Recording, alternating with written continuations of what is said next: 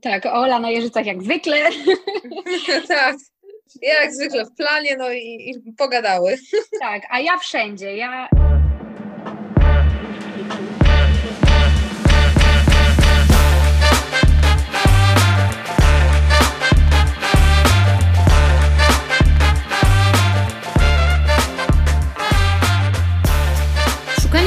miejscówek, gdzie można dobrze zjeść, jest, trochę jak z randkowaniem. Tyle, że z jedzeniem i z miejscem.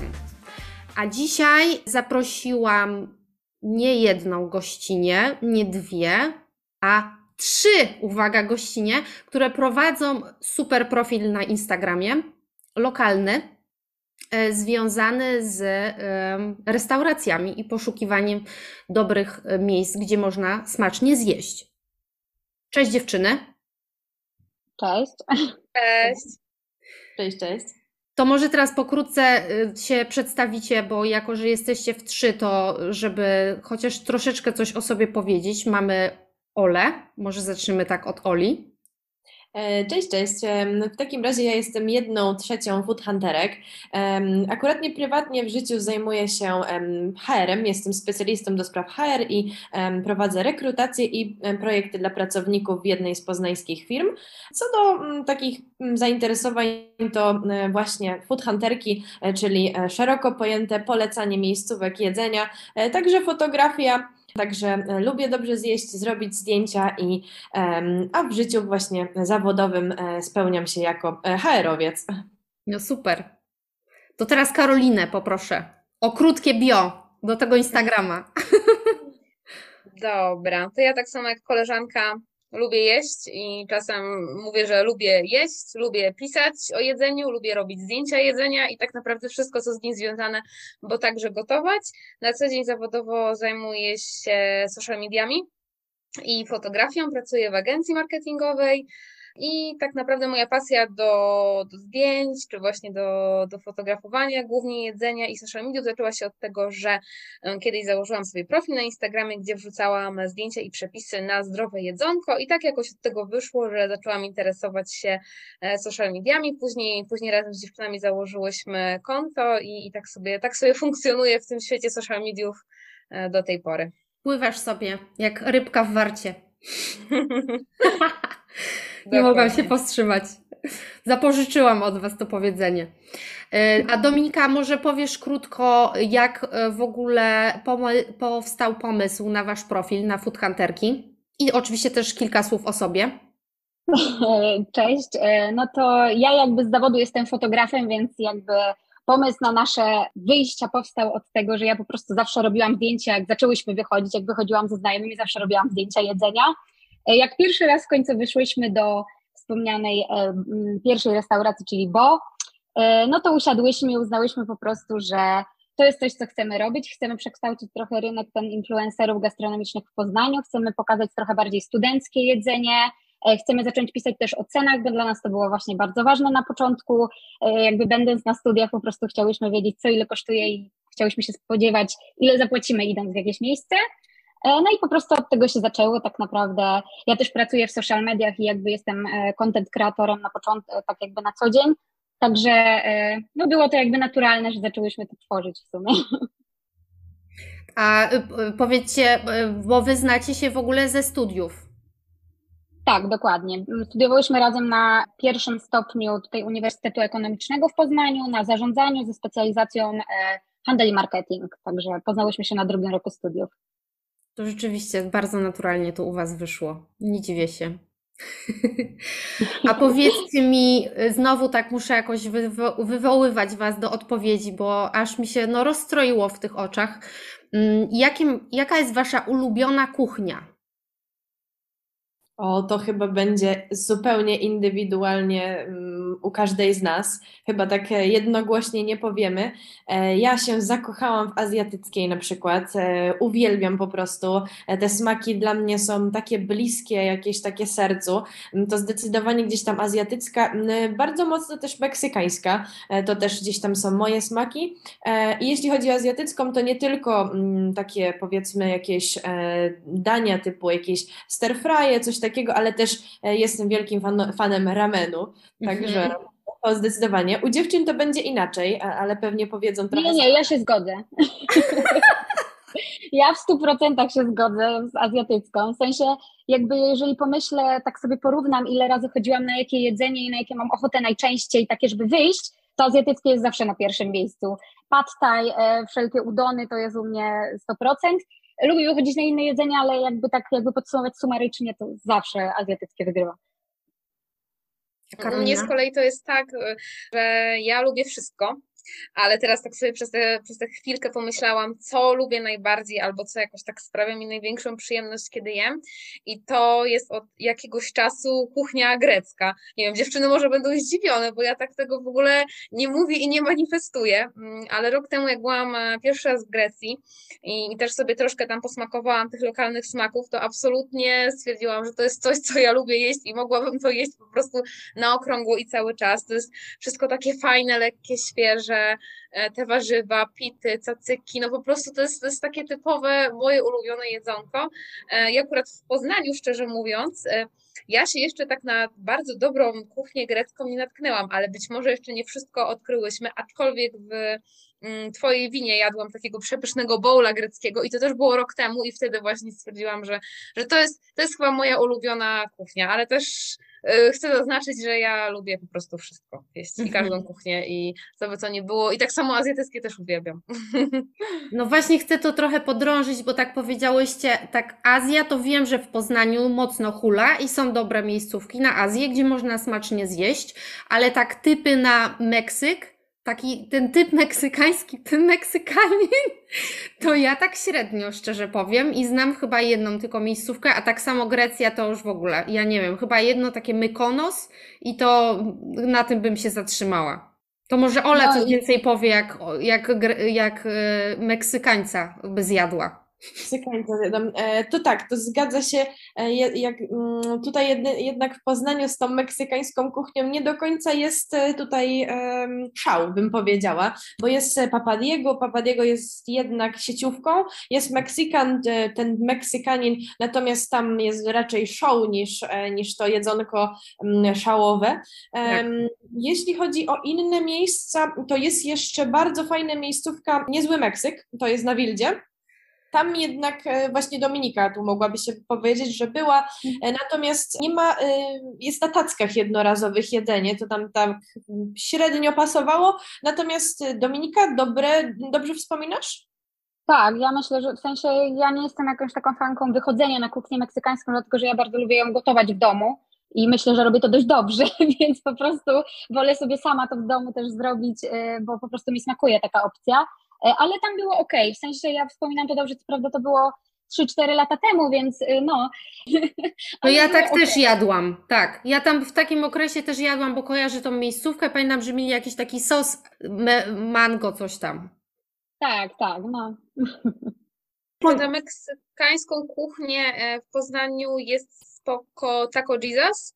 Ja tam byłam i, i ja myślę, że wyszłam stamtąd zadowolona, wszystko mi smakowało. Wiem, że zdania są różne, podzielone, ale generalnie chyba to jest takie, taka moja pierwsza myśl, kiedy myślę o Meksyku w Poznaniu. To raczej tam, bo tam to miejsce też ma taki dość ciekawy vibe i w środku ten wystrój tam jest tak no prześmiesznie. E, i mają też bardzo fajny letni ogródek, więc tak całościowo to, to też jest fajne miejsce na Meksyk, ale tak naprawdę w sumie tu z dziewczynami wymieniłyśmy 3-4 miejscówki takie meksykańskie i to jest faktycznie dość mało, biorąc pod mm -hmm. uwagę ile jest miejsc właśnie na kuchnię azjatycką czy, czy włoską, to jednak ten Meksyk, ja myślę, że ogólnie w Polsce to jest dość, dość niszowa kuchnia kontekście restauracji, że bardziej być może właśnie gotujemy ją sobie w domu, e, jakoś tak po swojemu każdy to robi, tak myślę. No ja myślę, że meksykańska kuchnia jest trudna do ugotowania, bo ona musi być zawsze świeża, no nie? I dla restauracji to jest trudne, bo azjatycka jakby mocne są przyprawy, jakby to nie musi być wszystko na teraz zrobione na przykład, a meksykańskie jednak ta pita i tak dalej musi być od razu zrobione. W sensie wszystkie tortille muszą być świeże, nie? My możemy nie rozumieć trochę tych smaków, mi się wydaje, bo i może nie do końca też mamy te składniki wszystkie, bo tam jednak awokado, jakieś może guacamole albo coś, nie wiem, może to, to jest problem. No, może inaczej to smakuje po prostu w Polsce. Mm, ale faktycznie tutaj, Karo, dobrze mówisz, że jeszcze właśnie jest taco Jesus, to faktycznie tam jest bardzo mhm. dobre to jedzenie. To jest jedzenie też, z tego co kojarzę, to oryginalnie właściciel jest, jest też Meksykaninem e, bądź Hiszpanem, nie mówiącym w ogóle swoją drogą po polsku, dlatego menu w restauracji jest też po angielsku, ale faktycznie tam jest bardzo dobra meksykańska kuchnia. Natomiast właśnie mm, to, co też tutaj padło, że e, faktycznie mm, kuchni azjatyckie, tak jak kuchnię azjatycką znajdziemy na e, przysłowiowym każdym rogu mm, w Poznaniu i na każdym fyrtylu nawet. Tak, fyrtylu. Dokładnym. Tak, jeśli chodzi o meksykańską, e, jest z tym ciężko. Prędzej na przykład kawiarnie, no bo kawiarni też, kawiarniami też Poznań bardzo mocno stoi. Mhm. No, zwłaszcza speciality. To akurat moja działka. Myślicie, że to się nie wyklucza, bo powiedziałyście, zaczęłyście o tym mówić, że y, no wy byście się sobie może bardziej y, przygotowały w domku, tam coś jedzenie. Czy to się nie wyklucza takie przygotowywanie domowych posiłków z wyjściem do restauracji? No to ja mogę się w tym wypowiedzieć, bo akurat robiłam na ten temat badanie na moją magisterkę niecały miesiąc temu, także y, Ogólnie y, z tego, co mi wyszło, bo też 300 osób miałam na badanie, to większość ludzi jednak wychodzi do restauracji, żeby się spotkać z ludźmi, żeby celebrować i żeby poznać nowe miejscówki w ogóle. A nie faktycznie, żeby się najeść, żeby spróbować dania, tylko bardziej, żeby poznać miejsce całe. Jakby cały koncept. Mhm. I faktycznie to też jak ze znajomymi rozmawiam, to się bardzo często pojawia, że wyjście do restauracji jest zupełnie czymś innym, nawet jak wyjdzie się na to samo jedzenie, które jest w domu, to jest jakby zupełnie inny experience i też jakby faktycznie ten cel wyjścia bardziej jest na tą celebrację nastawiony, nie? A wy się dziewczyny zgadzacie z tym? Mm, ja, ja osobiście zdecydowanie tak, bo też trzeba, myślę, rozróżnić kwestię e, pójścia gdzieś na miasto i zjedzenia obiadu konkretnie chce się najeść, a wyjścia takiego, którym chcę czegoś doświadczyć, chcę coś poznać, chcę spróbować nowych rzeczy, a niekoniecznie moim głównym celem jest e, napełnienie, napełnienie brzuszka. Często też nie każdy w sumie to rozumie, no bo też tak naprawdę to zależy i od tego, jaką mamy zasobność portfela i też jaki mamy stosunek do jedzenia, to też jest ważne, bo nie każdy tak jak my y, żyje, żeby jeść, tylko je, żeby żyć. Myślę, że my bardziej jesteśmy w, te, w tej pierwszej grupie. aczkolwiek właśnie wykluczy, wykluczanie się jedzenia na mieście, a gotowania w domu, wydaje mi się, że te, te dwa tematy się troszeczkę zazębiają, bo jeżeli faktycznie ktoś lubi wychodzić na miasto i jeść tam, to jednak ten stosunek do jedzenia ma trochę inny, bardziej taki, um, emocjonalny. E, to podobnie lubi też gotować w domu, eksperymentować. Często też w restauracjach można zakupić sobie powiedzmy jakieś składniki. Bardziej to było może było popularne w czasie pandemii, kiedy restauracje przygotowywały takie sety, można było sobie, nie wiem, zamówić do domu pizzę, ale taką bardziej DIY, e, to już raczej wydaje mi się, że teraz jest mm, nie w ogóle w trendzie, bo już możemy chodzić do restauracji i oby jak najdłużej i już zawsze, ale dla nas na przykład to się nie wyklucza, bo my też jakby na co dzień dużo, każdy z nas myślę dużo gotuje, lubi gotować.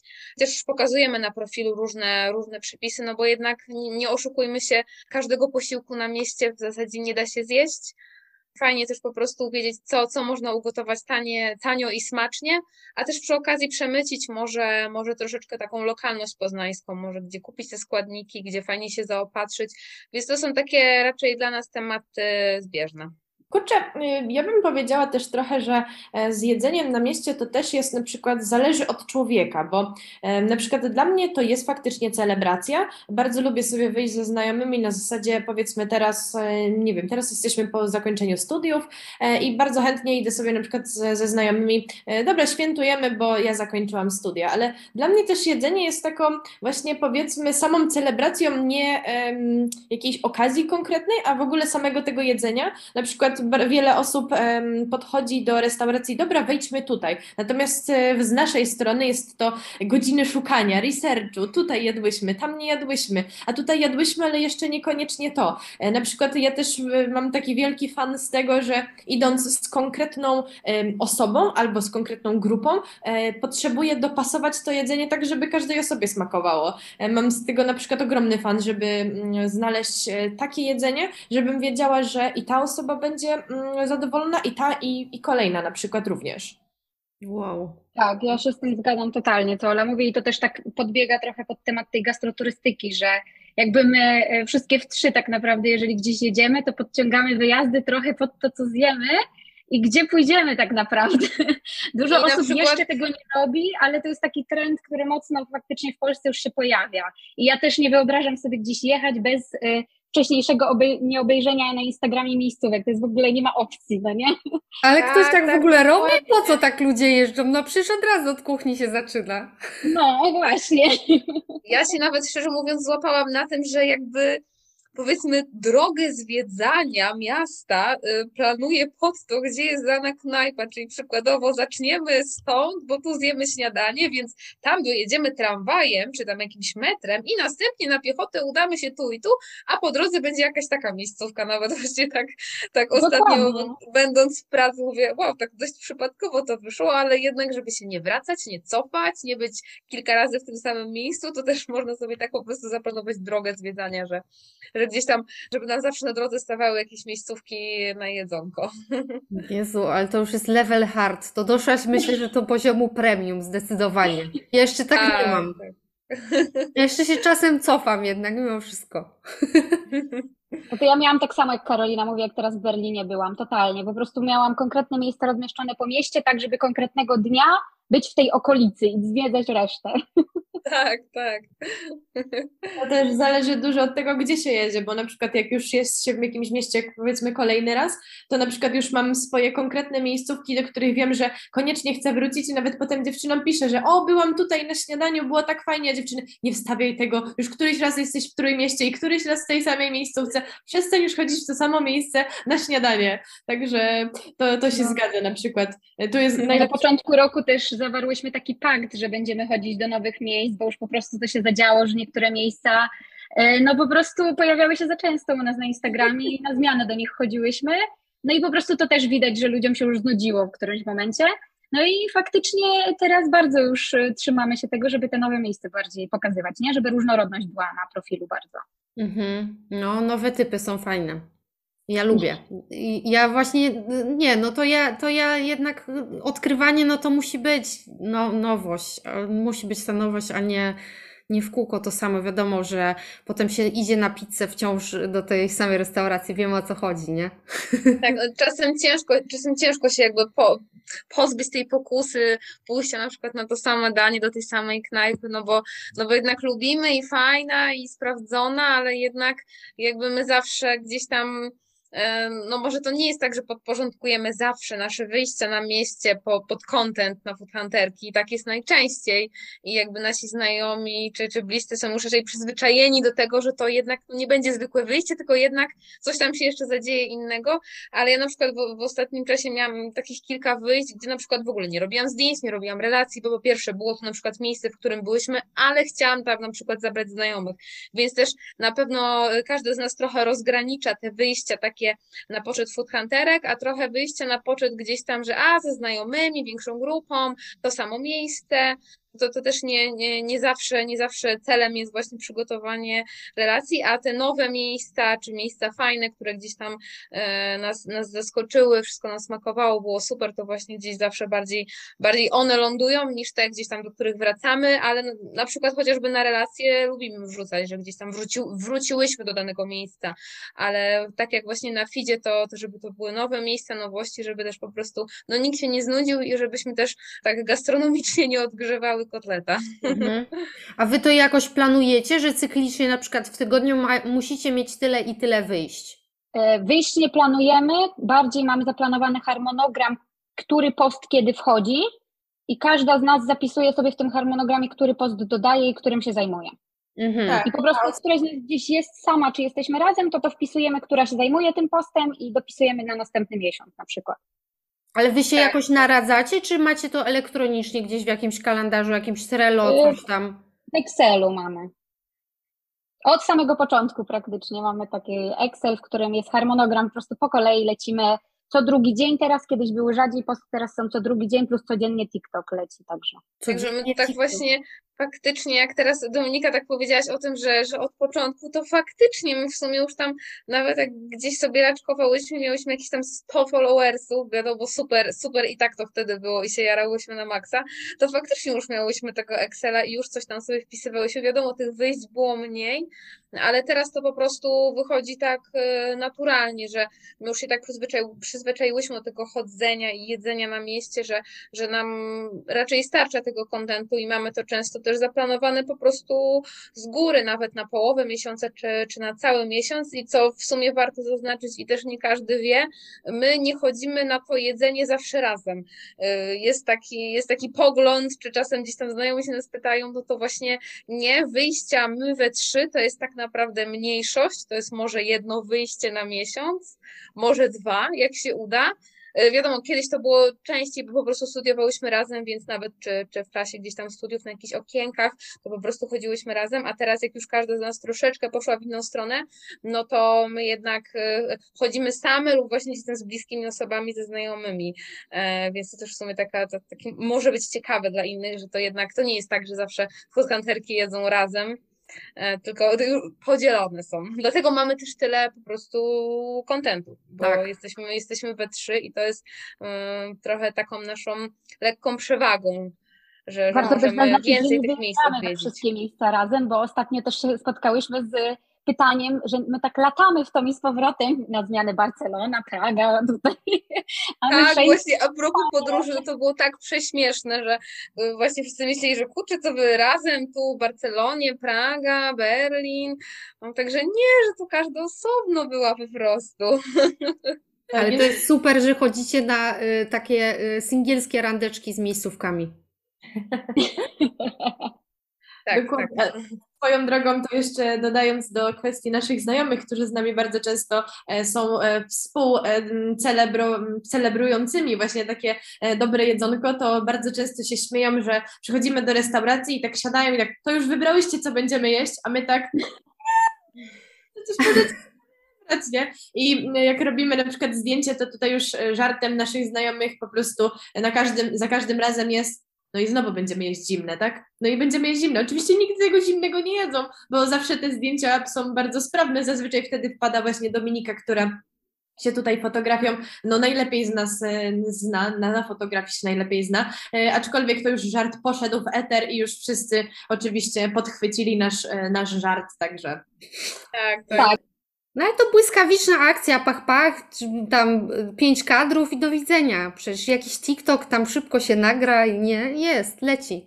Tak, aczkolwiek no właśnie teraz jest więcej jakby tego kontentu do robienia, bo kiedyś faktycznie same fotki, a teraz jeszcze no, pomoże coś na TikToka, to od razu może to się zrecyklinguje te, te wideo i, i na przykład no, wrzuci się z tego Reelsa, więc troszeczkę jakby się zrobiło więcej, więcej tego kontentu podczas, podczas gdy to jedzenie leży na stole i ktoś tam e, czeka, czeka aż będzie mógł zjeść.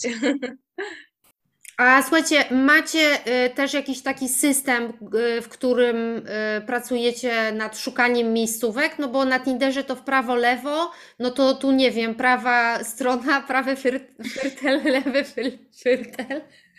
Czy jak, jak szukacie miejscówek w ogóle? Ja osobiście przez Instagrama po prostu. W sensie my na Food Hunterkach obserwujemy praktycznie wszystkie restauracje z Poznania. Jak powstaje coś nowego, to też od razu tam próbuję wynajdywać. E, przez hashtag też Poznań Food po prostu lecę. I mam też listę moją taką w telefonie, taką prywatną, e, w której mam po prostu pozapisywane na kategorie podzielone miejscówki, do których chciałabym kiedyś iść. E, tak, z podziałem na randkę, fancy, słodkie, kawa i tak dalej. Także no, i po prostu je sobie tak odhaczam po kolei, jeżeli akurat się zdarzy jakiś znajomy, że faktycznie chce iść konkretnie w to miejsce, no to wtedy tam idziemy i to tak jakoś idzie po prostu. Cały czas research tak naprawdę, ale jak się jest w tej branży, to to też jest takie naturalne dość, nie? że jak jest coś ciekawego, to się dodaje do listy swojej. Jezu, ja chyba zacznę też tak robić jak wy. Tak, to jest super generalnie, bo nie trzeba tego szukać, tylko na przykład idzie się ze znajomą osobą, która wiadomo, że na przykład, nie wiem, nie je mięsa, no to tak naprawdę wchodzi się na taką listę i wszystkie miejscówki wegetariańskie i wegańskie. No i bach, nie wiem, idziemy do La Papai na Jeżycach, albo nie wiem, ktoś się nie do końca lubi, bo to jest w ogóle swoją drogą tak a propos tego meksykańskiego, to to jest właśnie wegańskie, wegetariańskie, y, meksykańskie, e, także fajnie. I, e, I tak naprawdę łatwiej jest takie coś wybrać. Ja też w ogóle mam kategorię pod tytułem, że ja muszę tam iść, bo dziewczyny już tam były, ale mnie tam nie było. O! Ja mam tak samo, tak, dokładnie. Też tak. mam parę tak Czyli solo randeczki. Jezu, to tym bardziej jestem zainteresowana. Ale w ogóle teraz taki pomysł mnie naszedł. Nie wiem, czy kojarzycie, jak na przykład są takie zdrabki y, na film, albo że ludzie pineskami zaznaczają na mapie miejsca, gdzie byli. No przecież coś takiego powinno być do restauracji robione, nie? Tylko, że nie tak... chciałabym tylko naszą reklamę teraz zrobić, że my stworzyłyśmy jakiś czas temu taką kategoryzację i robimy teraz hasztagi e, typu food hunterki kolacja, food hunterki randka, food hunterki wegańskie, food hunterki obiad e, i to w sumie też pomaga naszym obserwatorom faktycznie wiedzieć, bo jak wiedzą na co chcą iść, to sobie klikają w hashtag, tam są wszystkie nasze posty z tych miejsc na tę jakby okazję. Mhm, czyli to tak po katalogach robicie? Tak, tak. Super, takie przewodniki. Mhm. Bardzo znaczy fajne. przewodniki swoją drogą, a tutaj hasztagi oddzielnie. Okej. Okay. Ale to macie swoje autorskie hasztagi? Wtedy dopisujecie? Tak, że... tak. Aha. Tak, tak. Dokładnie. Żeby nie było tak długo, to nie jest to dokładnie food hunterki, tylko FH obiad i w ten sposób um, tak naprawdę można łatwiej znaleźć te posty, które podlegają pod właśnie obiad. Co jest ciekawe, zrobiła, znaczy, bo tutaj generalnie jestem e, powiedzmy osobą, która przewodziła temu projektowi, ze względu na to, że mnie tak doprowadza do po prostu szału przewijanie stories, ponieważ stories, ponieważ stories są od najstarszej do najmłodszej. Więc jeżeli coś, ja nie chcę oglądać tych postów, które wstawiałyśmy rok temu, a żeby one były w danej kategorii, no to zostawiamy je tam, no bo wiadomo, każdy, e, fajnie jest, żeby jednak w jednym miejscu to było zebrane, na przykład, nie wiem, kawa i ciasto. Nie tak doprowadza po prostu do szału to, że jest, te now, najnowsze są ostatnie, że po prostu stwierdziłam, że właśnie może taki hashtag e, nasz personalny, e, autorski będzie fajniejszym sposobem na to, żeby bardzo szybko coś znaleźć, bo jeśli ktoś nas się pyta, ej dziewczyny, gdzie na obiad, to bardziej, będzie nam łatwiej wejść sobie w hashtag, tak? Niż przewijaj sobie te 200 story. No, ale to prawda, wiem o czym mowa. Tym bardziej, że to się też wszystko zmienia, nie? I widać y, czasami te pierwsze y, stories, to one, no nie wiem, ja też miałam, pamiętam tak u siebie na prywatnym profilu, że miałam po prostu beznadziejny telefon i te stories na przykład u mnie wyróżnione były obleśne w stosunku do tego, co było później. Jakby obleśne też w kategorii jedzenia, ale nie, że jedzenie było brzydkie, tylko wiadomo, że po prostu jakość była beznadziejna. No i wiem o czym mowa, więc w sumie hashtagi to jest super sprawa. A czy na przykład uważacie, że TripAdvisor y, umarł? Oj tak. No, to jest, to jest coś, coś takiego, co mi się wydawało parę lat temu, że, że jest tak naprawdę jedyną platformą do tego, żeby sobie szukać tam miejscówek y, na jedzonko, ale w tym momencie raczej Instagram już na tyle chyba wyparł to urządzenie z Polski, bo tu mm, najlepiej odnieść się do tutaj naszej lokalnej sytuacji w Polsce.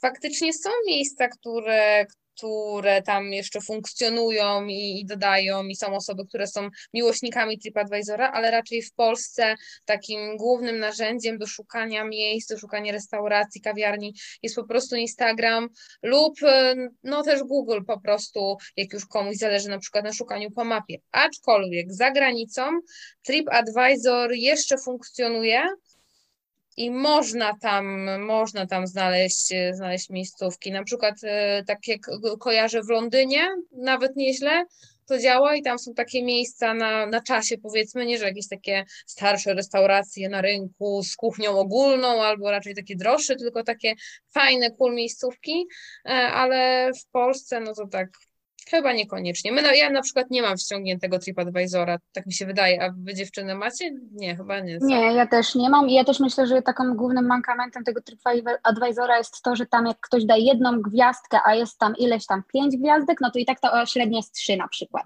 Mhm. E, bardzo często te mm, miejsca na przykład później zgłaszają te złe komentarze przez to, że im to psuje średnią. No tak jak na Google to działa tak naprawdę. No. I myślę, że to też było takim trochę problemem TripAdvisora, że po prostu ludzie już przestali z tego korzystać, bo no, te negatywne opinie czasem były takie hamskie wręcz, e, a nie takie holistyczne jak na Instagramie w sumie, gdzie my tu opisujemy wszystko, no nie?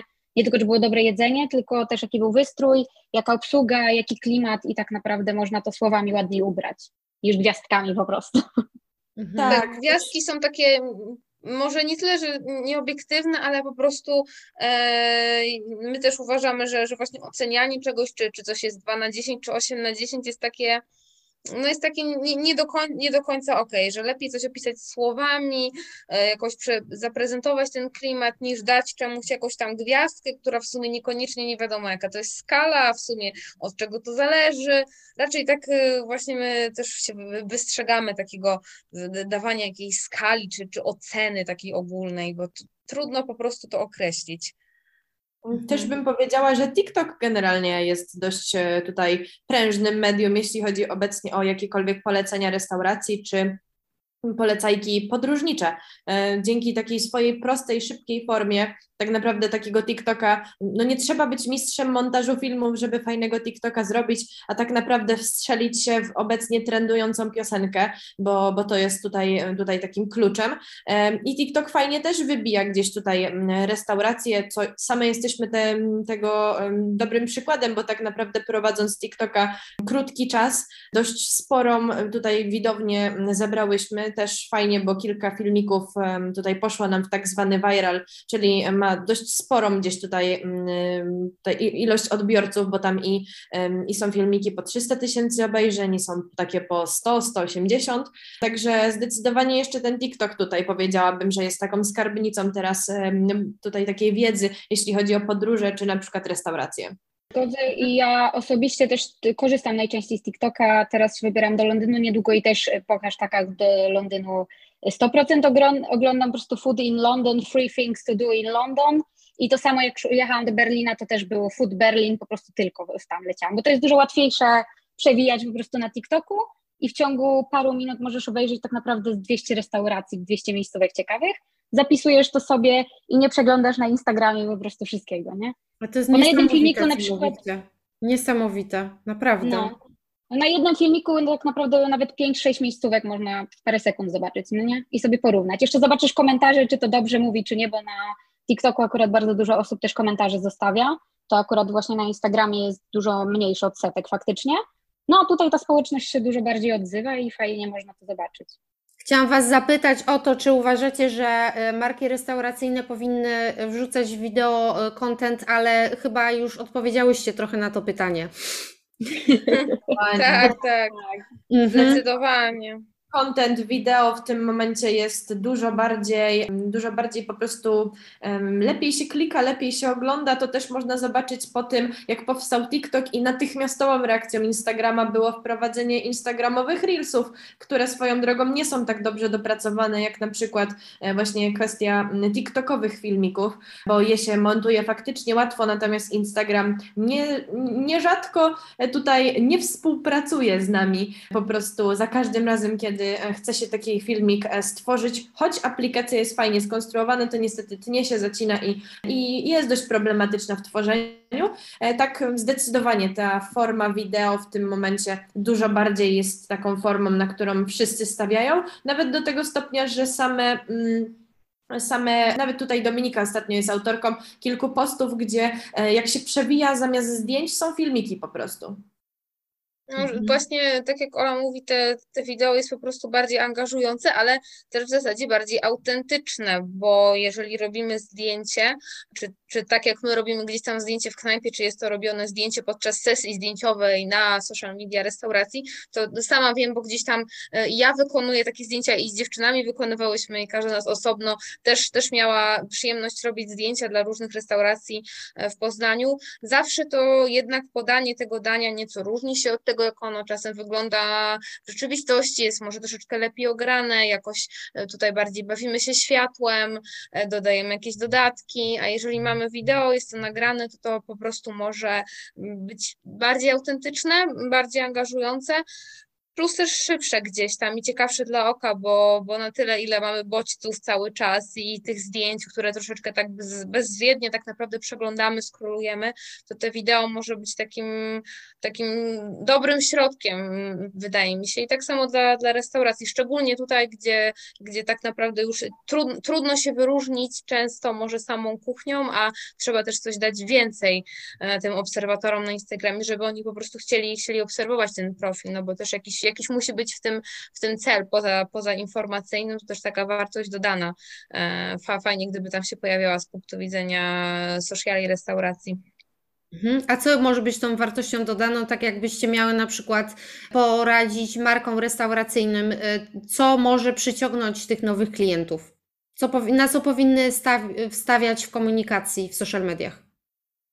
Znaczy, no ta mm. informacyjna jakby część jest taką podstawą, która musi jakby być prosta. Na przykład menu musi być i na Instagramie, i na Facebooku, to w ogóle jakby nie ma opcji. Ktoś nie przyjdzie do restauracji, jeżeli tego menu nie ma, nie wie ile coś kosztuje, nie wie czego się spodziewać, to w ogóle jakby jest podstawą. E, no takie nawet dużo restauracji ja zauważyłam, nawet nie pisze z jakiego miasta pochodzi, co w ogóle dla mnie jest w tej chwili niedopuszczalne, że masz konto na Instagramie i nie piszesz z jakiego miasta jesteś. No skąd ma człowiek wiedzieć, odbiorca tak naprawdę, co to jest za miejsce, skoro tego miasta nawet nie ma. No jakby no, podstawą są też dobre zdjęcia, no na Instagramie to jest jakby coś, co pierwsze nam się rzuca w oczy tak naprawdę. Czy zobaczymy w hashtagu jakiś post, czy cały profil, po prostu profil musi być taki no ładnie dopracowany po prostu. Tak naprawdę ten tekst to jest takie drugo, trzeciorzędna rzecz zaraz po zdjęciach, znaczy no po zdjęciach, bo zdjęcia są jakby najważniejsze, no nie? Ta wizualna część. Tak, no to jest taką, to jest taką podstawą i, i, i, od tego tak naprawdę można dalej budować, budować sobie tą, tą wartość dodaną, bo kiedy mamy e, dużo informacji, wiadomo skąd jest restauracja, jakie ma menu, ma estetyczne zdjęcia, to też nie muszą być zawsze zdjęcia robione lustrzanką, czy nie wiadomo jakim sprzętem, po prostu estetyczne, e, fajne, przyjemne dla oka i wszystko dobrze widać, to dalej można tak naprawdę iść w stronę tego, żeby trochę zostawić tych odbiorców u siebie, żeby tylko nie przyszli zobaczyć, co tam jest w menu, czy co tam jest nowego, ale też dać im stworzyć stworzyć jakieś takie połączenie, czy, czy zaciekawić fajną opcją, moim zdaniem jest na przykład w ogóle obecność ekipy obsługi, obecność może menadżera, może jeżeli jest to mniejsza restauracja, to może właściciela, który gdzieś tam się pojawia, który może tak naprawdę nagrywać takie w cudzysłowie gadane stories, pokazywać, co się dzieje w tej restauracji, być trochę taką, być taką wizytówką i, i tworzyć, tworzyć po prostu taką, taki wizerunek miejsca domowego, przyjemnego, gdzie, gdzie wiemy, do kogo idziemy, znamy tę osobę, gdzieś tam się przewinie, nie wiem, właściciel restauracji e, idzie przez knajpę i mówimy, o, ta osoba, która gdzieś tam dodaje stories i, i jest widoczna. To mi się wydaje, że, że może być e, takim przyciągaczem dla osób, dlatego żeby po prostu oglądały później ten profil i, i na nim zostały. Taka historia i pokazanie po prostu ludzkiej, ludzkiej twarzy, a gdzieś tam nie tylko samych tych dań zawsze. To jest fajny, fajna opcja na, na prowadzenie stories.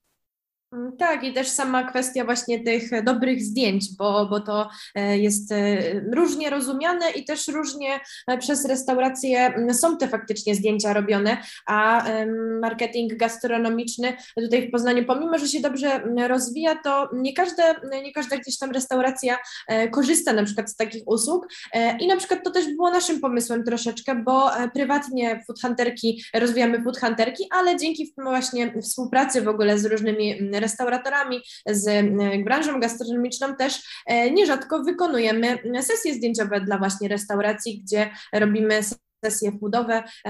Tak na przykład e, mamy też jedną stałą współpracę tutaj w Poznaniu, gdzie wykonujemy na zlecenie właśnie zdjęcia. Także coś, co kiedyś było hobby, to obecnie widząc właśnie, jaki to ma fajny potencjał, staje się takim naszym też zajęciem dodatkowym i taką troszkę pracą.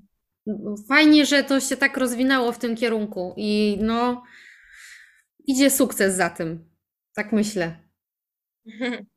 Same jesteśmy zaskoczone, bo tak naprawdę jeszcze nie dalej jak, e, kurczę, dwa lata temu było tych ludzi 800, 700, tysiące obserwatorów, tutaj nagle 2000, a tutaj dzięki e, w sumie właśnie e, obecności na TikToku od mniej więcej tak stycznia, lutego przybyło do nas naprawdę, naprawdę mnóstwo osób i tak jak przybywało tych osób około tysiąca w ciągu roku, to w tym momencie w ciągu trzech lat, bo to już są ponad trzy lata, w ostatnim roku przybyło było matko, y, musiałybyśmy zobaczyć, ale myślę, że spokojnie 2 do 2,5 tysiąca osób w ostatnim, nawet nie roku, tylko od stycznia. Ja mam screena z pierwszego tysiąca na TikToku, bo bardzo w tym siedziałam i z chyba 13 stycznia jest pierwszy tysiąc. Teraz mamy już ponad 10 tysięcy. No, ja akurat nie mówię o instagramowych obserwatorach, ale faktycznie w tym momencie na TikToku mamy 10 tysięcy już tutaj taką społeczność. To, to fajnie po prostu gdzieś tam nie, nie, chwaląc pokazuje też e, jakby moc tego, moc tej platformy i to, że ona ma po prostu taki realny wpływ na to, że, że możemy dotrzeć do, do większej liczby odbiorców, a na tym też po prostu nam zależy, żeby budować taką społeczność, żeby, żeby coraz, żebyśmy mogły robić, robić content dla coraz większej liczby osób, bo to jest po prostu super, ale szczerze mówiąc, tak samo starałyśmy się na, na początku, jak tam sobie raczkowałyśmy i obserwowali nas głównie znajomi i tak samo w sumie staramy się teraz może mamy troszeczkę większe pomysły, może mamy większe pole do manewru, ale wydaje mi się, że nasze starania są e, cały czas, e, cały czas takie same.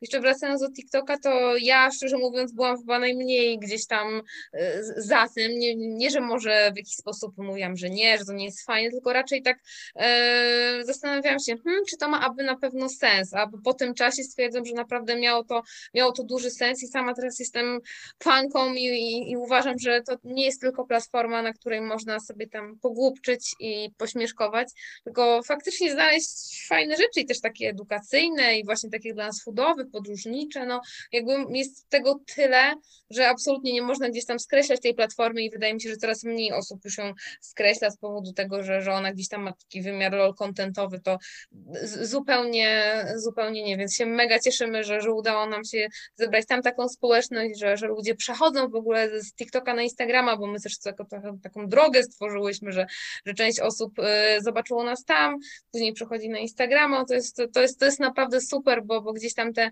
te, te lata chodzenia y, na jedzonko po prostu y, w cudzysłowie sobie wynagradzamy tym że, że miało to sens i, i, i że fajnie się teraz dzieje i też możemy się po prostu wspólnie rozwijać bo też o tym Ja mogę jeszcze się odnieść do tego, co Karolina podniosła, bo akurat tu się nie zgodzę z tym, że no moim zdaniem zaangażowanie jest teraz przynajmniej pięciokrotnie wyższe niż na początku, bo na początku to Chodzi mi bardziej, wiesz, o takie, że jakby nam się cały czas tak samo chce, ale faktycznie pod kątem tasków i ilości zadań to jakby jest tego więcej, e, ale właśnie takiego, przynajmniej ja tak mam, że, że tak samo jakby mi się chciało teraz i tak samo mi się gdzieś tam będzie, będzie chciało za jakiś czas, że to jakby ta, ta motywacja do, do, do działania nie, nie słabnie. No ale jesteście też w grupie, więc jak jedna trochę słabnie, tak ma trochę urlopik jakiś taki myślowy, to y, druga z trzecią biorą się za robotę, nie? Tak, to prawda. Tak, tak, tak. Jakby te siły są rozkładane konkretnie. Teraz na przykład ja chyba mam trzy posty pod rząd, dziewczyny będą miały trochę wolnego, później ja wyjeżdżam, to później one będą dodawać też.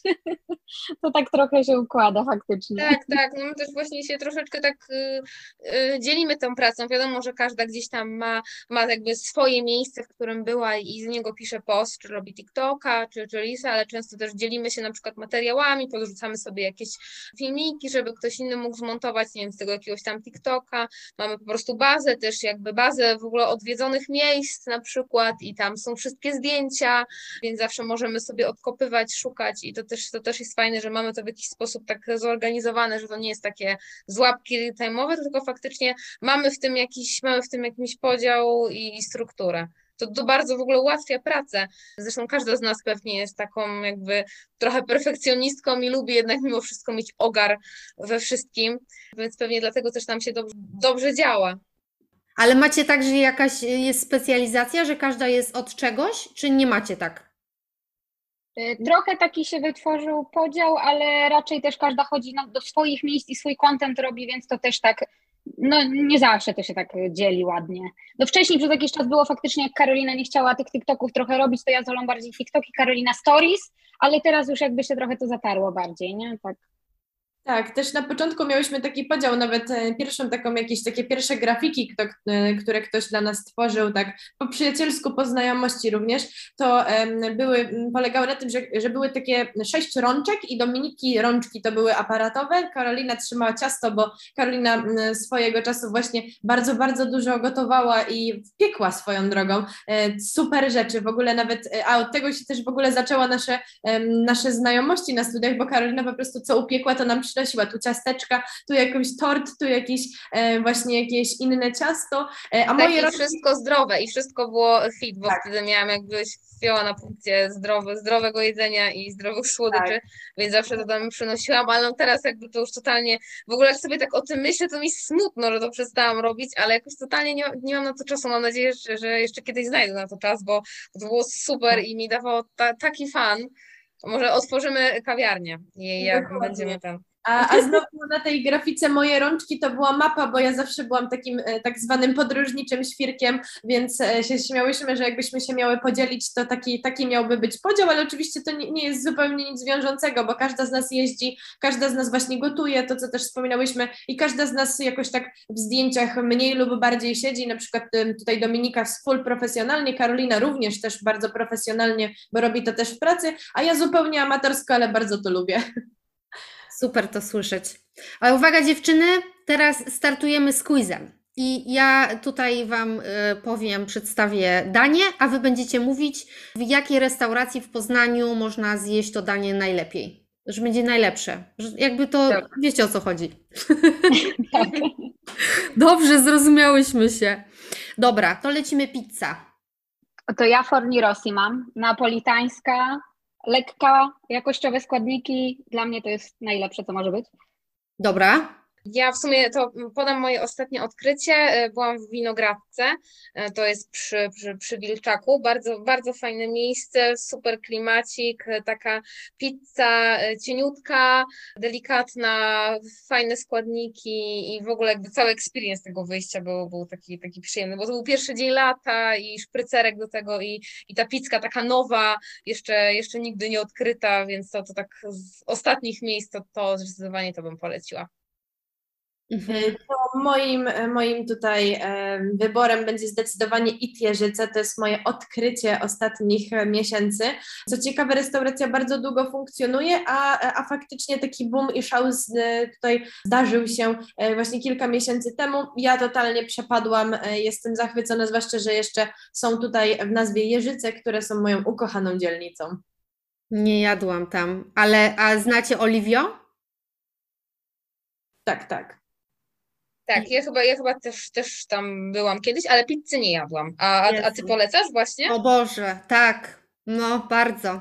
Moja ulubiona pizka. Aż się dziwię, a myślałam, że jeszcze może jakaś przyjemność padnie albo coś, ale mówię nie. To no, jest no, taki, to jest taki klasyczek, to jest, to jest tak. taki klasyczek, to, to, to wszyscy, wszyscy znają, lubią, ja nawet szczerze mówiąc y, byłam tam w zeszłym tygodniu w piątek, w piątek ze znajomymi, którzy tam nigdy nie byli i jakby byliśmy zadowoleni, wszystko było super, ale wydaje mi się, że przyjemność każdy, każdy zna, to jest taki klasyk y, i ona jest po prostu za, zawsze, zawsze dobra i e, właśnie tak idąc tym tokiem nowych poleceń, nowych miejsc, to właśnie, właśnie między innymi przyjemność mówiłyśmy sobie tak dziewczynami, że okej, okay, lubimy, ale nowe, nowe muszą być. Mm-hmm, mm-hmm. Okej, okay, dobra, to teraz lecimy z burgerkiem. E, no to u mnie wleci amerykański burger z Y. To jest taka trochę artystyczna miejscówka kolorowa na wodnej, która się tam znajduje. My tam byliśmy w tamtym roku pierwszy raz na współpracy i ja byłam właśnie ostatnio powtórzyć e, jakby zamówienie, że tak powiem. No i tam są mega nietypowe połączenia, na przykład burgery są też z masłem orzechowym i mają tam genialne smażone ogórki kiszone, które nie brzmią, ale smakują tak, że po prostu zakochać się idzie. I frytki z parmezanem mają. To jest też w ogóle cudo. Także ja polecam łaj totalnie, tak amerykańsko mocno, ale bardzo fajnie. To moja ulubiona miejscówka na burgera. Kurczę, ja nie jestem jakoś największą fanką burgerów. E, nie jest to takie moje to top of the top jedzonko, ale y, ostatnio byłam w Mitas i tam co prawda nie są to burgery, a bardziej takie kanapki. I tam, tam totalnie, totalnie mi to smakowało. Bardzo fajna, taka nieco lżejsza opcja, bo, bo nie jest to bułka, a bardziej taka, że jest to bułka, ale taka cieńsza.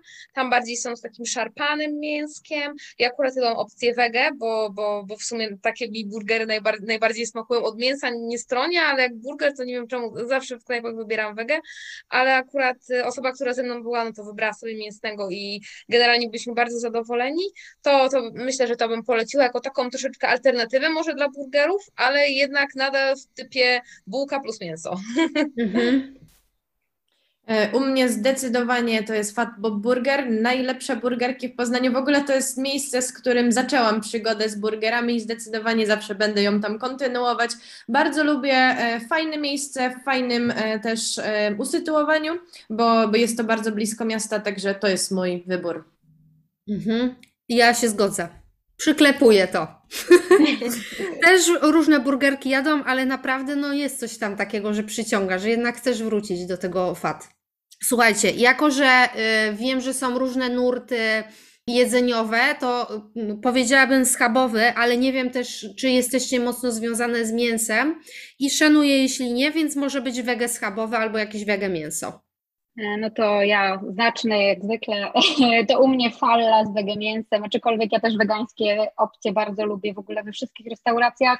Osobiście mięso jem tylko na mieście, sama w ogóle go nie robię, także raczej te wege opcje mi są bliskie i fali tutaj wrab z gyrosem wegańskim to jest moje, moje ulubieństwo po prostu. Mhm. No to prawda, ja też, też, bym, też bym chciała powiedzieć e, fala, ale wiedziałam w sumie, że Domi to powie, a przynajmniej ogólnie wiedziałam, że to padnie, e, także ja powiem, że kuchnia powolność i ich różne, różne takie właśnie bezmięsne wariacje. Tam co prawda jest menu sezonowe, ono chyba się zmienia co miesiąc, z tego co pamiętam, więc nie zawsze jest tak, że trafimy na to samo, jak coś nam poleci, to już tego jedzonka może nie być, ale ra, raczej takie właśnie, taki wegański schabowy, on tam e, się pojawia w, w menu. Ja go jadłam w opcji takiej zimowej, pamiętam chyba pire ziemniaczane, buraczki i właśnie ten taki sojowy, sojowy schabowy. Teraz wiem, że jest taki wersja letnia z mizerią i on jest tam naprawdę, naprawdę przepyszny i może nie to tak, że smakuje jak mięso, bo to tak szczerze mówiąc ciężko porównać i ciężko po prostu uzyskać taki smak i takie porównanie, ale jest to naprawdę, naprawdę przesmaczne. No i też wszelkie inne opcje, które tam są zweganizowane, bardzo dobre i takie, myślę, że jest po prostu ciekawe, cie, cie, ciekawa, ciekawa forma, żeby gdzieś tam też po prostu sobie odkryć jakąś no, nowe miejsce i, i takie klasyczne dania podane w taki roślinny sposób. Mm, to zdecydowanie ja bym tutaj postawiła na geranium. E, przede wszystkim, że jest to knajpa z genialnym marketingiem, e, a mm, już nie wspominając o tym, że mają świetne miejsce również e, też na Jeżycach. No a jedzenie to jest w ogóle kosmos dla mnie. Naprawdę ja akurat nie mniej mięśnie, mięsnie zaczęłam jeść dopiero na studiach i faktycznie jest tak do dzisiaj, że jem mniej mięsa i tak jak Dominika, może nie do końca, że jem mięso tylko na mieście, ale mm, staram się w domu raczej mało gotować z mięskiem. E, I tak e, burger, e, którego jadłam, geranium, który miał być właśnie z jakimś wege mięskiem, to było tak dobre. To było przepyszne, śni mi się cały czas i mam nadzieję, że jeszcze jest gdzieś tam w menu, żebym na niego wróciła. Ja się podpisuję, bo geranium to była moja druga opcja i się wahałam mocno, bo tam też byłam paręnaście razy już na tych wegańskich daniach i wege. Ja tam tak, byłam tak, jeszcze. Nie byłam tam jeszcze, ale znam ten profil i to tak mocno przyciąga. I oni naprawdę robią super robotę. No ni nigdy wcześniej nie widziałam takiego profilu restauracyjnego. Ja od nich też kwiaty geranium kupuję. Aha, okej. Okay. No. Ale jeszcze chcę powiedzieć a propos tego, że, że powiedziałyście, że y, no mięsa to nie da się oszukać, że jakby no wegańskie mięso, no to wiadomo, że to jest wegańskie, a nie, że to jest mięso, ale tak już podzielę się taką dygresją, że ja w domu też nie gotuję mięsa i um, kupiłam schabowy taki um, wegański i oszukałam swoją córkę, jak się pytała mnie, co to jest. I ja mówię, no schabowy, prawda? No ale z czego? I ja tak, no z krówki. Także no, zjadła, ale no była oszukana, nie? Ciężko w sumie uzyskać ten taki dokładny smak czy strukturę, ale teraz jest tyle tych rozmaitych substytutów, że tak powiem, mięsa, czy właśnie nawet dostępnych w ogóle w marketach, to mam wrażenie, że w ciągu ostatnich dwóch lat zrobił się taki boom na różne opcje tak naprawdę, bo jakieś sojowe kurczaki, kiełbaski, no, no po prostu naprawdę cuda, czy takie opcje, mielone mięso, no, no mnóstwo, może to nie jest ten sam smak, ale fajny, fajny zamiennik, fajny dodatek, taki po prostu wspomagasz tego jedzenia. Jak ktoś ogranicza mięsko, to myślę, że super opcja, a w ogóle w knajpach to już, to już nie wspomnę. Oni tam mają swoje sposoby, jak to przygotować, żeby to było super. Tak jak właśnie dziewczyny wspomniają w e, geranium, to ja też uważam, że taka topka właśnie miejsc, e, miejsc bez, bezmięsnych, takich e, lekkich, świeżych i, i super super bardzo innych niż wszystkie. Jeżeli ktoś chce zjeść coś, coś spoza, nową rzecz, to tam, tam zdecydowanie powinien się udać. Kiwam głową do tego. Dobra, jedziemy lody. Jedziemy albo idziemy na lody. To jest ciężka sprawa, dlatego że my akurat w Poznaniu prowadzimy social media i marketing lodziarni, która no przynajmniej według mnie jest po prostu stuprocentowo, zgadza się z moimi wszystkimi wartościami i ma najlepszą ofertę, także nie wiem, czy będziemy to obiektywne, ale Lolodzik naszym sercem po prostu zawładnął. Ładnie. Też, tak, też to na tak. swojej liście. Jest to miejscówka e, prowadzona z ogromną pasją w ogóle swoich właścicieli. E, wszystkie tak naprawdę komponenty do lodów, wszystkie składniki są starannie wyselekcjonowane. Na przykład truskaweczki są z, tutaj z farmy Ojcowizna, gdzie właściciele po nie jeżdżą. E, na przykład pistacje też są ściągane, importowane do Polski, czy na przykład kakao płynie z Dominikany. Także że mm, to jest e, z najwyższej jakości składników, dbają o to właściciele. Mm, lody są produkowane w Poznaniu tutaj z certyfikatami w ogóle bio swoją drogą. Oczywiście lody też są, lody też są e, nie z certyfikatem bio, ale również e, mają certyfikaty bio, ten zielony listek, który można znaleźć na opakowaniach. Także jak najbardziej e, tutaj nie możemy być obiektywne, bo naprawdę gdzieś ta idea też współpracy z, z takim miejscem, które jak najbardziej e, po prostu jest w myśl wyznawanych przez nas wartości, jest też dla nas tak naprawdę bardzo dużym, e, bardzo dużą kwestią. Ale też swoją tak. drogą najwięcej smaków z Lolodzika próbowałyśmy, bo chodzimy na zdjęcia i po prostu jemy tych lodów tyle, że nie mamy ich dość. Tak, tak, to prawda. Po prostu większość smaków. Tak, zaczynając od aperola po przepyszną pistację, którą ja bym mogła jeść e, po prostu litrami, e, po na przykład chyćka z mm, chyćka, lody chyćka, lody lawendowe. Co jeszcze takiego wam się dziewczyny rzuciło? Jeszcze, no tam jest po prostu multum tych smaków, ale ja nawiążę do tej pistacji, bo ta pistacja naprawdę jedna z lepszych, jaką jadłam ogólnie, e, ale też pyszne w ogóle lody, sorbet mango, taki klasyk w sumie lodzika, ale naprawdę prze, przepyszny i, i tak jak właśnie dziewczyny powiedziały, my się tu w 100% zgadzamy, zgadzamy z, z filozofią, z, z tym jak te lody są robione, jak, jak one smakują i naprawdę uważam, że, że są to najlepsze lody w Poznaniu, Współpracowałyśmy z, z Asią, po prostu zaprosiła nas na przetestowanie lodów i tak jakoś się od tego zaczęło, że, że, że poznałyśmy się rok temu i właśnie w tym, w tym roku ponownie zaczęłyśmy gdzieś tam wspólnie, wspólnie działać. Mm, ale powiem Wam, zrobiłyście mi smaka bardzo dużego i na pewno teraz odwiedzę. Koniecznie. Będę próbować. No my w środę idziemy, także. Tak. No, no to środa idealnie, dzień loda, no przecież. Dzień Lolodzika. Lodzika, no. właśnie. A na kawę y, gdzie y, byście zaprosiły? Jak, jakąś osobę, osobnika, y, typiarza, typiarkę? gdzie na kawę najlepiej? To może, to może ja zacznę teraz. E, to ja jestem absolutną fanką i największą miłośniczką kawiarni Plan. I chodzę tam, chodzę tam bardzo często. Częściej niż pojawiają się posty stamtąd, bo też się śmieję właśnie z dziewczynami, że muszę, muszę odkrywać jakieś inne miejsca na kawę, ale to jest absolutnie moje ulubione miejsce w Poznaniu. Jest tak, tak urokliwe, tak przysympatyczne i, i po prostu zawsze jakoś mi jest tam tak dobrze. W ogóle też znajduję się w bardzo fajnym miejscu, bo, bo ulica Grobla za Groblą, jakoś tak to się nazywa, no jest tam latem, w ogóle latem, wiosną jest tak przyjemnie, zielono, bardzo fajny klimacik, mimo że to jest w centrum miasta, to tam jest niesamowicie cicho. Mają naprawdę dobrą kawę, w tym, w tym oczywiście kawki speciality. Ja akurat jestem bardziej, bardziej klimat y, kawa biała, cappuccino na mleku owsianym. Raczej tego typu y, pijam kawowe napoje, ale jeśli chodzi czy właśnie o kawkę, czy, czy słodycze, to ja tam po prostu najbardziej lubię przebywać i też ze względu na, na smak wszystkiego, ale też po prostu klimat tego miejsca. Mnie, mnie jakoś urzeka.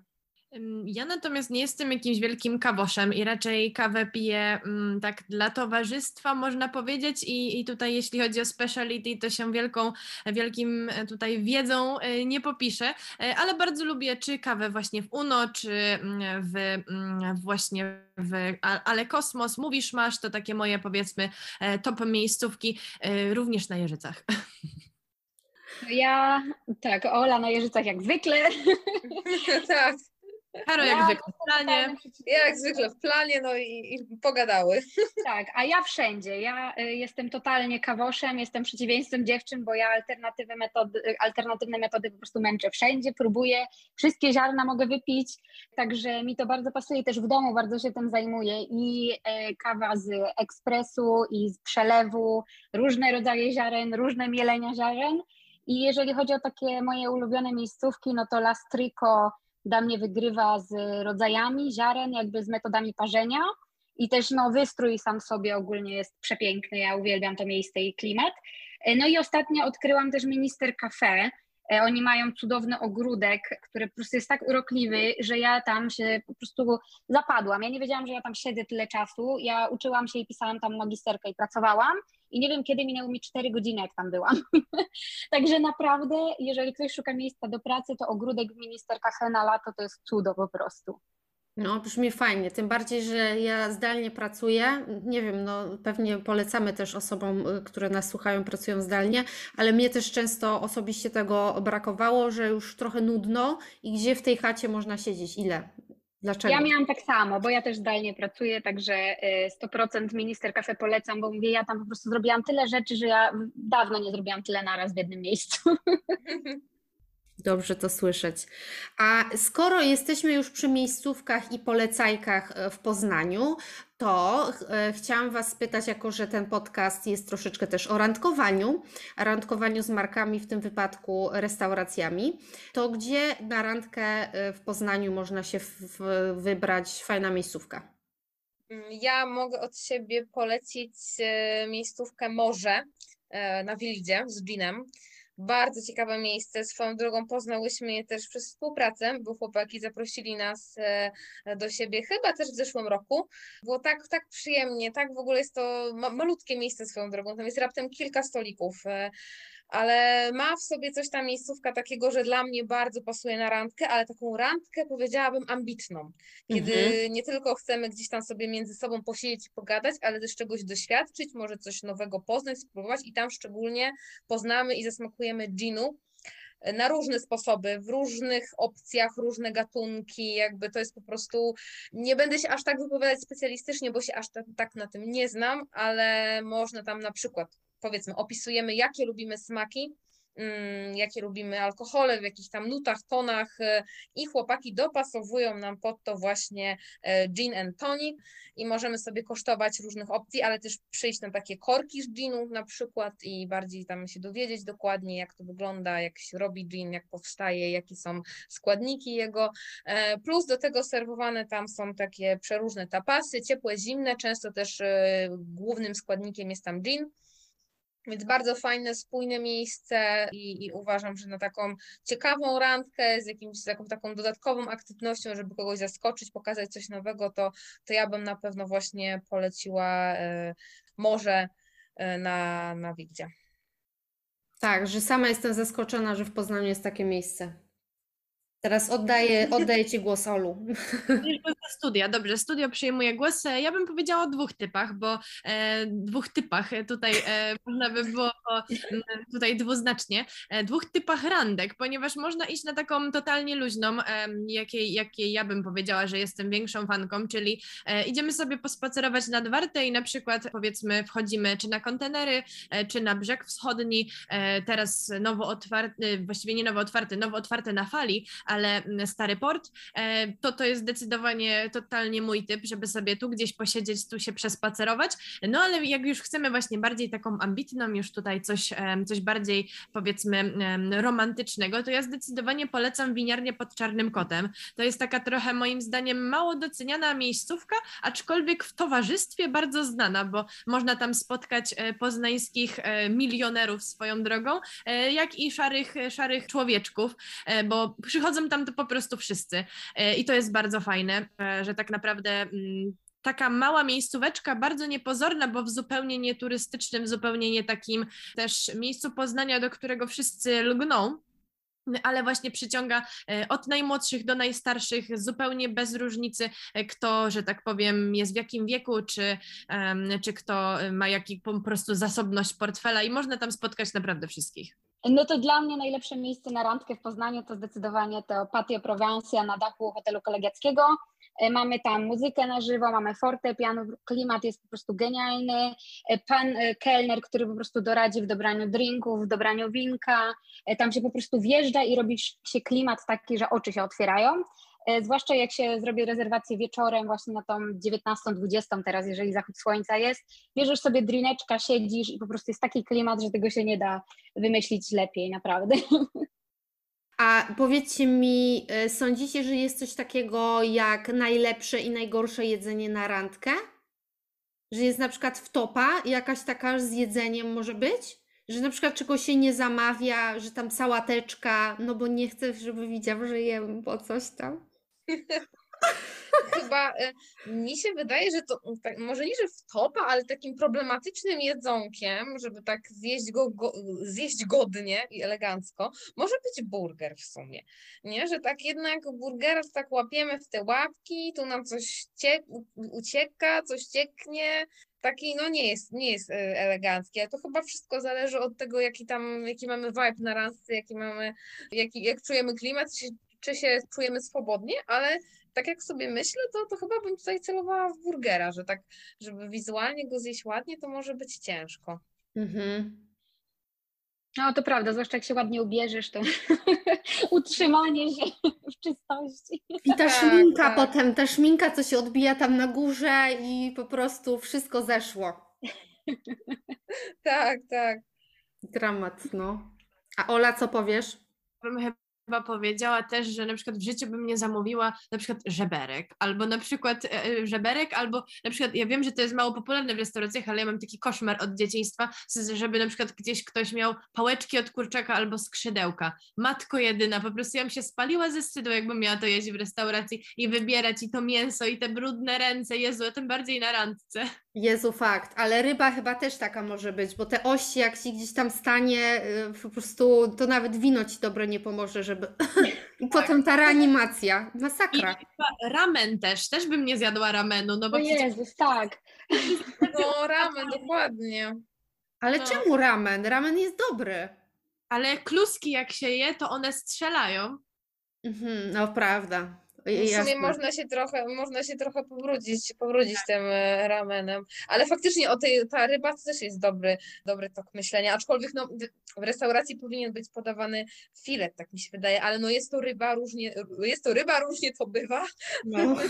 I, I, lepiej gdzieś tam faktycznie ryby, ryby nie zamawiać na randkę. I uwaga, kczung, no chyba. No, dzisiaj takie, takie rymy mamy. Tak, no. No nie byłabym sobą, była inna. Powiedzcie mi, jak już tak trochę odchodząc od tego randkowania i tak trochę łapiąc taki ogół, patrząc na to, co się dzieje w ostatnich latach e, w świadku restauracyjnym, to czy uważacie, że e, restauracje się zmieniają? Bardzo. Moim zdaniem powstaje bardzo dużo takich konceptów, które w ogóle nie są podobne. Jak parę lat temu byśmy w życiu na to nie wymyślili czegoś takiego, jak na przykład wolność y, teraz na Obistro, no tam menu się zmienia co chwilę, tam są takie wariacje, że po prostu szef kuchni wymyśla takie cuda, że po prostu kapustę ci w całości przynosi i zalewa to pomidorami, no i to jest dobre. I kiedyś by nikt na to nie przyszedł, a teraz po prostu nie można zarezerwować miejsca do, tego, tej miejscówki, plus y, no jakby sam klimat jest taki luźny, jakby w stronę tego Berlina trochę Poznań idzie też, te miejsca są takie na luzie, że tam nie ma nic takiego nadętego, żeby przyjść, odpierdzielić się, tylko ubierasz się jak chcesz i zjesz dobrze, nie? Dokładnie. E, też bardzo dużo mają tutaj, jeśli chodzi o wpływ na gastronomię, takie ogólne trendy konsumenckie, to tutaj bardzo bliskie naszym tematom, bo i ja i Dominika piszemy e, pracę o, pisałyśmy, Dominika pisała, ja cały czas piszę, bo ja kampania wrześniowa z obroną ja o, też, ja też. No i Karo też um, o trendach właśnie konsumenckich i w ogóle o kwestii e, restauracji, bo o tym głównie jest praca. E, to tak naprawdę, jeśli chodzi o trendy konsumenckie, to ostatnio bardzo ważnym trendem jest to, że ludzie inwestują w doświadczenia, a nie w rzeczy. E, czyli tak mhm. naprawdę te restauracje, chcąc um, właśnie iść za tym trendem, właśnie w takie doświadczenia inwestują. I takim doświadczeniem jest na przykład, powiedzmy, właśnie tak jak Dominika opowiadała o wolność neobistro, czy na przykład w ogóle restauracje, które zapewniają tobie, bo to jest kolejny trend, taką, takie dobre samopoczucie, czyli jakby inwestuje się w doświadczenia, które poprawiają ci samopoczucie i e, w ogóle to życie uprzyjemniają, takie drobne przyjemności i tak naprawdę to takie są restauracje, bo te restauracje inwestujące właśnie w komfort twój, e, w też e, tak naprawdę w Poznaniu bardzo popularnym jest to, że my mamy bardzo dobrych ludzi na obsłudze tak naprawdę. E, rzadko kiedy jest się w stanie spotkać z kimś, kto, kto tam ciebie nie zapyta. Bardzo często jest się na ty z obsługą, co w nie wszystkich miejscach jest też popularne, e, czyli na ty, taki luźny vibe, żebym powiedziała. Na przykład też fajną, luźną miejscówką jest też kafe Wandal na Łazarzu, gdzie można kawkę wypić do bodajże 22. Jest taki tak, właśnie tak, tak. berliński, przenoszący cię w, na Kreuzberg e, klimat.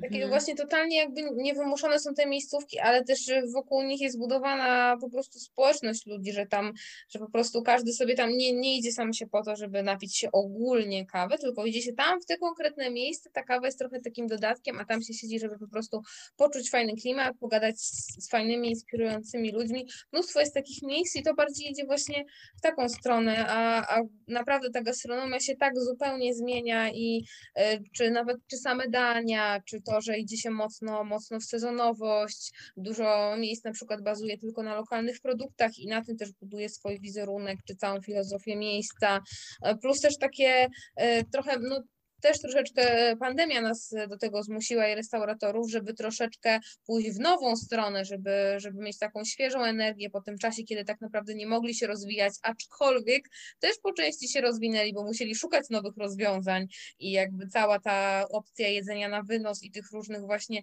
e, rozwiązań na to, żeby jakoś sobie radzić w takich trudnych czasach, też spowodowała, że pewnie troszeczkę nabrali kreatywności. Oczywiście ci, którzy mogli, no bo jakby sytuacja też była na, na tyle zła, że wiele miejsc po prostu musiało się zamknąć lub też często zmienić w ogóle swoją koncepcję, otworzyć się na nowo. No, to naprawdę przeróżne rzeczy się działy w Poznaniu, a też ogólnie w Polsce z restauracjami, więc wydaje mi się, że ta pandemia też w jakiś sposób e, wpłynęła na to, że teraz obserwujemy po prostu zupełnie, zupełnie nowe trendy i, i poniekąd zmiany w samych daniach.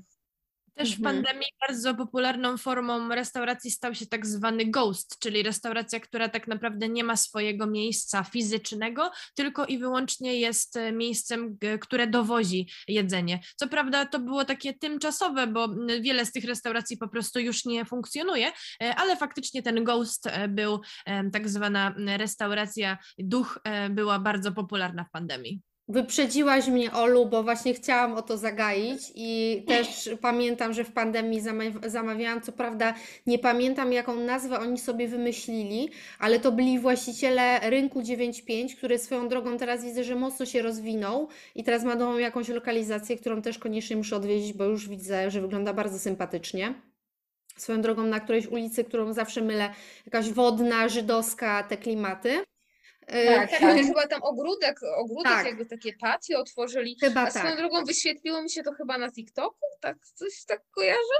Bo rynek chyba, chyba bardzo mocno na TikToku działa. Oni tak, tutaj tak. Bardzo mocno, bardzo dużo filmików, drinki, jak na przykład nie podawać kelnerowi, e, jak, przepraszam, jak nie podawać klientowi dania. Takie bardzo, widać, że w ogóle ta ekipa jest dość mocno zaangażowana w te TikToki.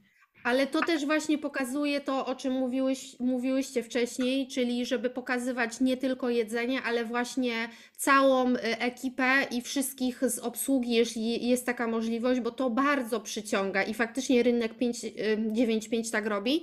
Wiem, że tak robi też mm, jeden z barów, który całkiem lubię też, to jest Przelot i tam w ogóle jakby jak ja oglądam y, content, akurat na fejsie oni dzisiaj gdzieś się wyświetlają, albo na Instagramie chyba też, no to ja mam wrażenie, że znam już tą ekipę, nie?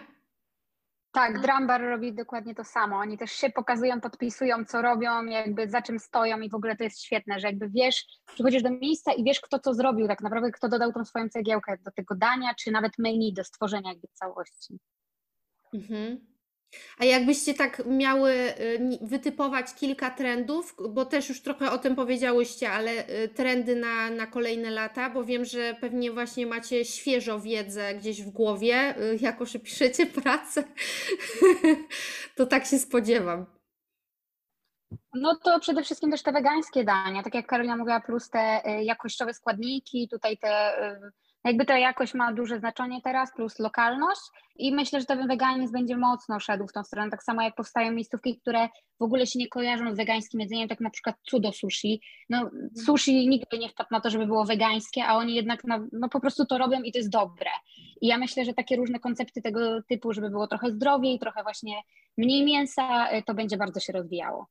E, też ten trend, o którym wspominałyśmy w kontekście właśnie Lolodzika, czyli e, składniki bardzo wysokiej jakości. Składniki e, tutaj też lokalne, bo właśnie tutaj bazują na takiej lokalności, składniki wysokiej jakości i tak naprawdę w ogóle postawienie na ten dobry skład, bo w, no nie we wszystkich miejscach zje się faktycznie jedzenie wysokiej jakości, które byłoby fajne cenowo, bo oczywiście te fancy miejscówki, o których już wspominałyśmy, no to jak najbardziej to są miejscówki z, tą, z tym wysokim, e, wysoką e, ceną, ale też właśnie wysoką jakością.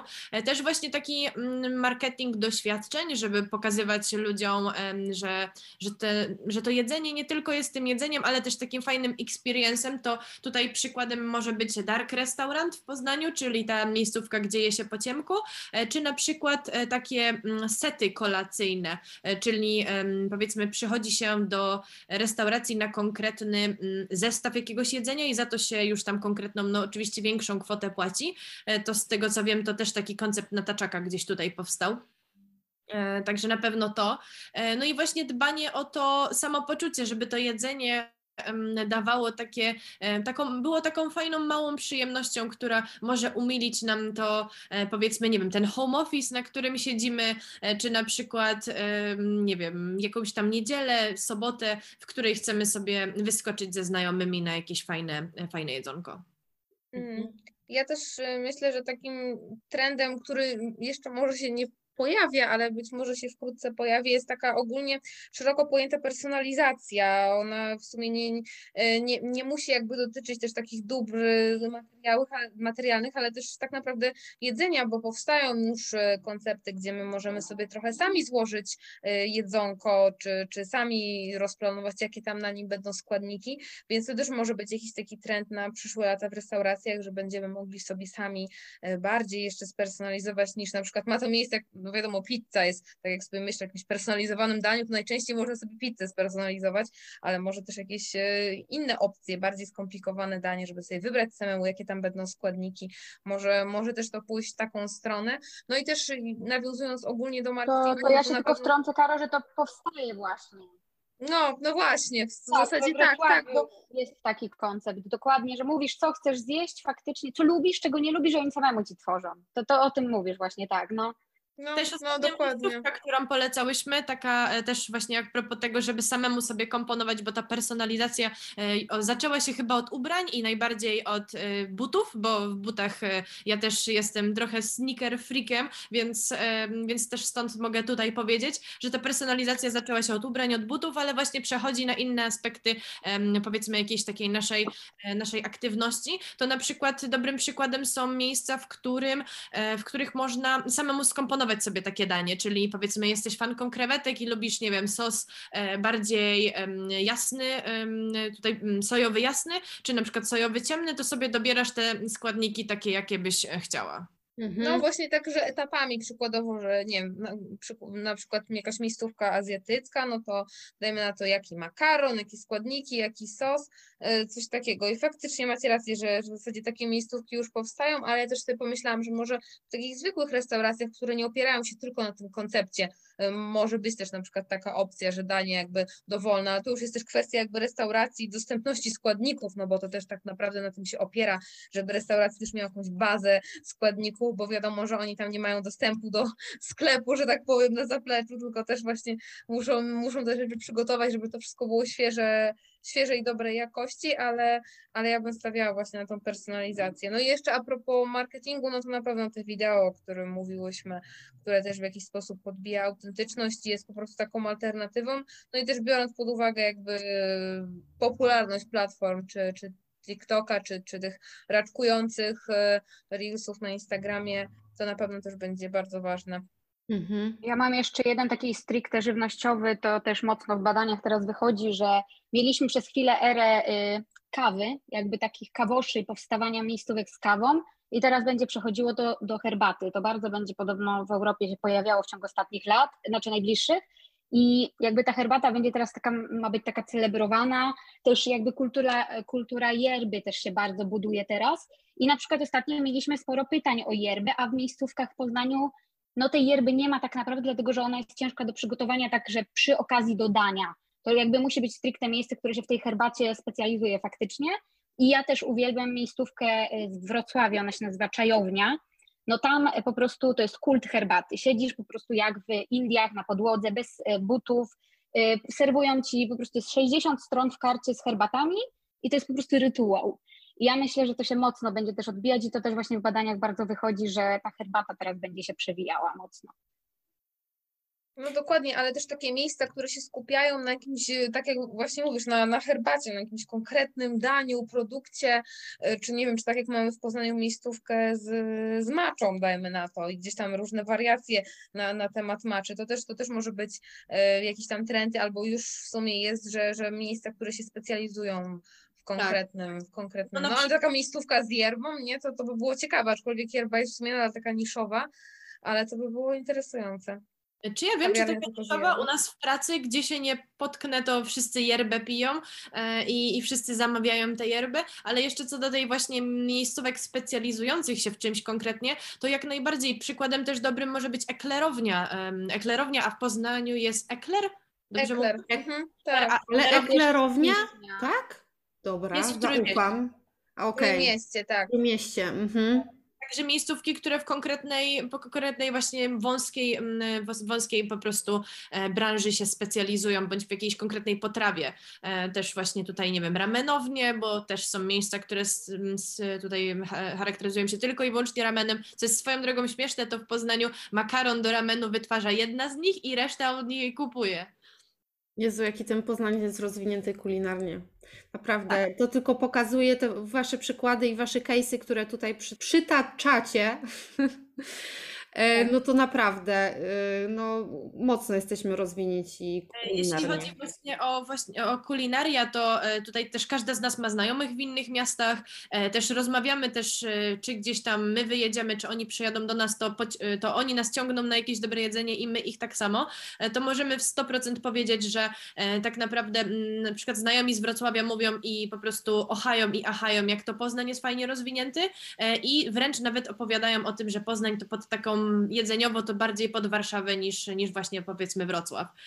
Że pomimo, że Wrocław tutaj wszyscy hołbią i jest wielki kult, bo jest bardzo ładny, e, to jednak jedzeniowo Poznań zdecydowanie gdzieś tutaj jest wysoko. No, ale ja też takie mam wrażenie. No, czy nie wiem, no to co inaczej, jeżeli mieszkasz w tym, w danej miejscowości i ją bardzo dobrze znasz, a co innego jak faktycznie tylko i wyłącznie jesteś przejazdem, o czym też rozmawiałyśmy wcześniej, to, to jest coś, coś innego. No, raz trafisz na coś, a na innym razem się natniesz, nie? Ale właśnie dzięki temu, że w sumie większość naszych znajomych, e, może nie, że większość, ale dużo znajomych się porozjeżdżało. Tu ktoś Warszawa, tu ktoś powiedzmy e, Wrocław, tu ktoś Kraków, to mamy taki fajny ogląd. Też się zawsze śmiejemy, że to są nasi, nasi food hunterzy, czyli nasi znajomi, którzy też nam pomagają czasami jakiś tam kontent z innych miast stworzyć. E, to opowiadają i tak naprawdę nawet jeśli jesteśmy w innym mieście, to zazwyczaj po te rekomendacje tutaj, o te rekomendacje prosimy właśnie znajomych, którzy w tym mieście mieszkają e, i oni tak naprawdę zabierają mnie, zabierając nas właśnie do takich miejsc, do których my byśmy zaprowadzili ich w Poznaniu, mieszkając i bazując tylko na poznańskim gastrorynku, a oni w tych innych miastach, więc też mamy fajny, fajną opcję, żeby poznać coś e, z punktu widzenia po prostu osoby, która mieszka w tym mieście. Dziewczyny, myślę, że dziękuję Wam już za tą miłą randeczkę i apetyczną. Naprawdę było super przyjemnie i dałyście dużo mięska, może i wegetariańskiego. Ale naprawdę było bardzo ciekawie i dziękuję Wam bardzo za tą rozmowę.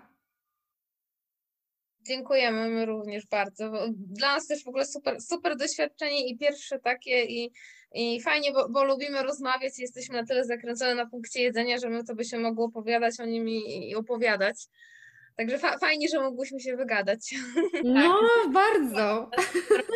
W bardzo pozytywnym sensie, bo jest to takie nasze pierwsze doświadczenie i na pewno bardzo pozytywne. No właśnie, teraz, teraz musimy się zgadać na, na kawkę jakąś. Może w planie. Albo na jeżycach. Albo na jeżycach może właśnie, u Oli.